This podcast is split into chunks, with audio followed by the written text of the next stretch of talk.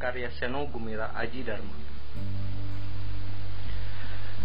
Ia hanya kelihatan matanya.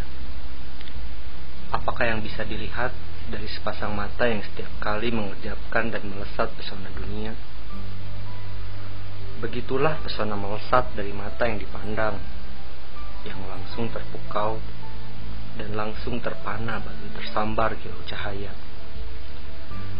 Yang membuat diri dan segala kehendak hilang, lenyap, menghablur, dan membuat diri dan segala kehendak hilang, menyisakan tubuh tanpa pikiran, selain penyerahan dan kerelaan dalam cita-cita untuk diperbudak dalam persembahan jiwa. Sudah, jangan mematung seperti itu, kata istrinya mari kita pulang. Namun dia tidak mengenal lagi kata pulang. Hilang sudah rumah, hilang sudah istri, dan hilang pula keluarganya. Hilang setelah celoteh, ceria anak-anak yang telah mengisi hidupnya, seperti empasan ombak yang mengisi kesunyian semesta. Dia tinggalkan istrinya yang ternganga, yang sempat meraih lengan hanya untuk dia hentakan. Yang hanya bisa memandang lelaki yang selama ini menjadi suaminya, bapak dari anak-anaknya, lenyap di antara kerumunan dan menghilang. Siapakah yang akan pernah mengira betapa kebahagiaan begitu rapuh dan keajaiban cinta hanyalah untuk sementara. Dari kejauhan, dia terus-menerus mengikutinya ia hanya melangkah tanpa pernah menoleh lagi ke belakang. Meskipun melalui segala pantulan dari segala kaca di pertigaan jalan, di etalase toko, atau spion tukang ojek yang sedang menanti penumpang. Dilihatnya pun betapa dia mengikutinya sejak dari pasar.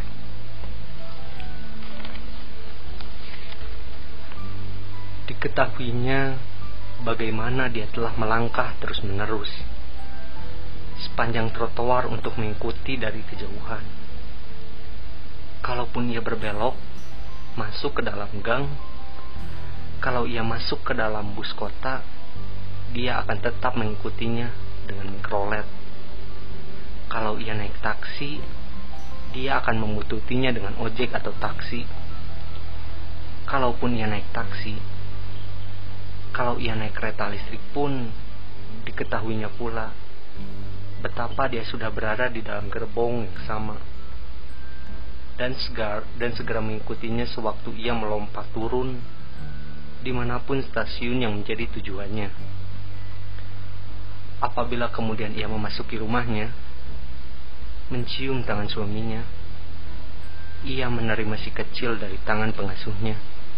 Dari balik jendela, yang tirainya selalu tertutup sehingga perlu sedikit disibaknya.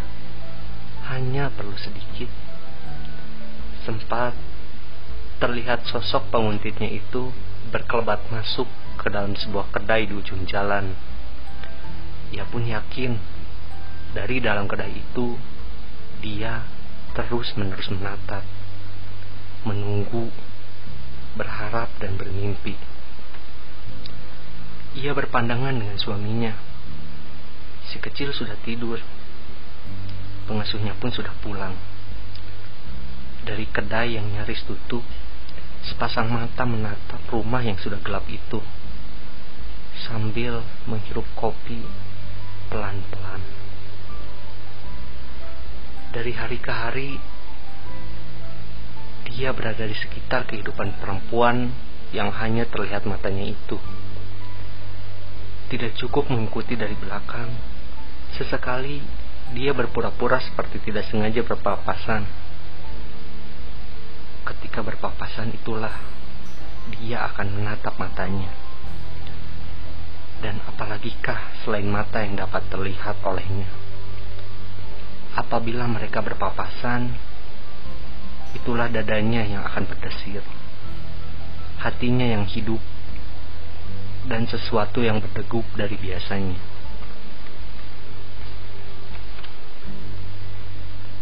Apakah yang dikatakan oleh sepasang mata yang kilauannya mendebarkan dengan tatapannya yang menusuk, mencekam dan menundukkan? Apakah yang bisa diungkap oleh sepasang mata? tampaknya begitu banyak.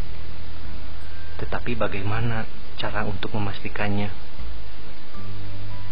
Dia berharap mata itu mengenalinya. Dan apabila mengenalinya, memberi sedikit saja perhatian kepadanya.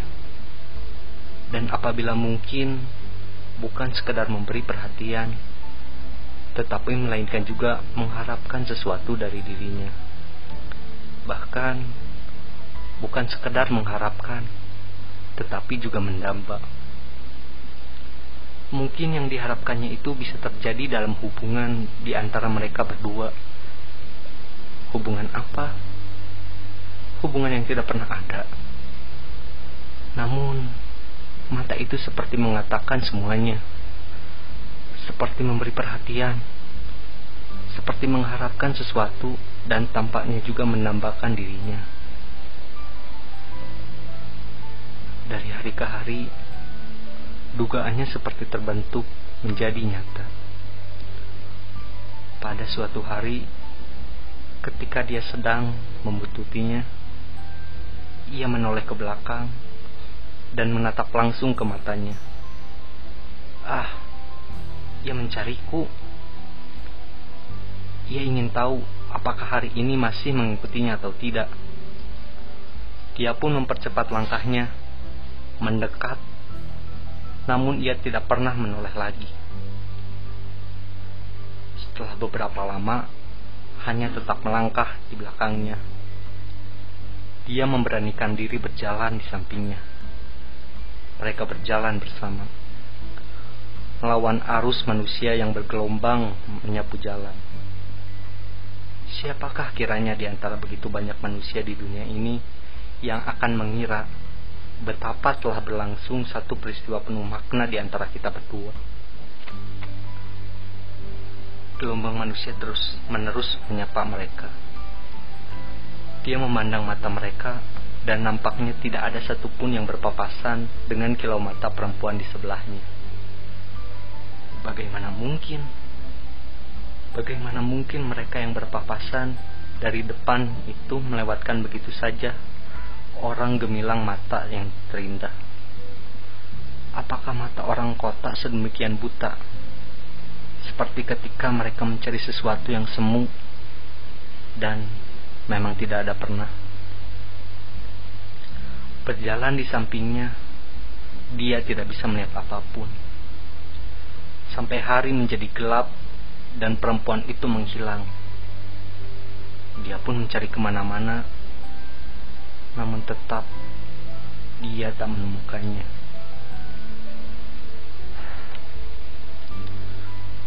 Langit-langit bergulung ketika untuk kesekian kali dalam sekian bulan dia membututinya dari kejauhan. Ia menoleh ke belakang lebih dulu sebelum menghilang ke sebuah gang. Tatapan mata yang begitu berbinar sekilas tetapi merasuk sepenuh ke dalam jiwa yang meratap dan memuja sekian lamanya. Tujuannya adalah menunggu balasan.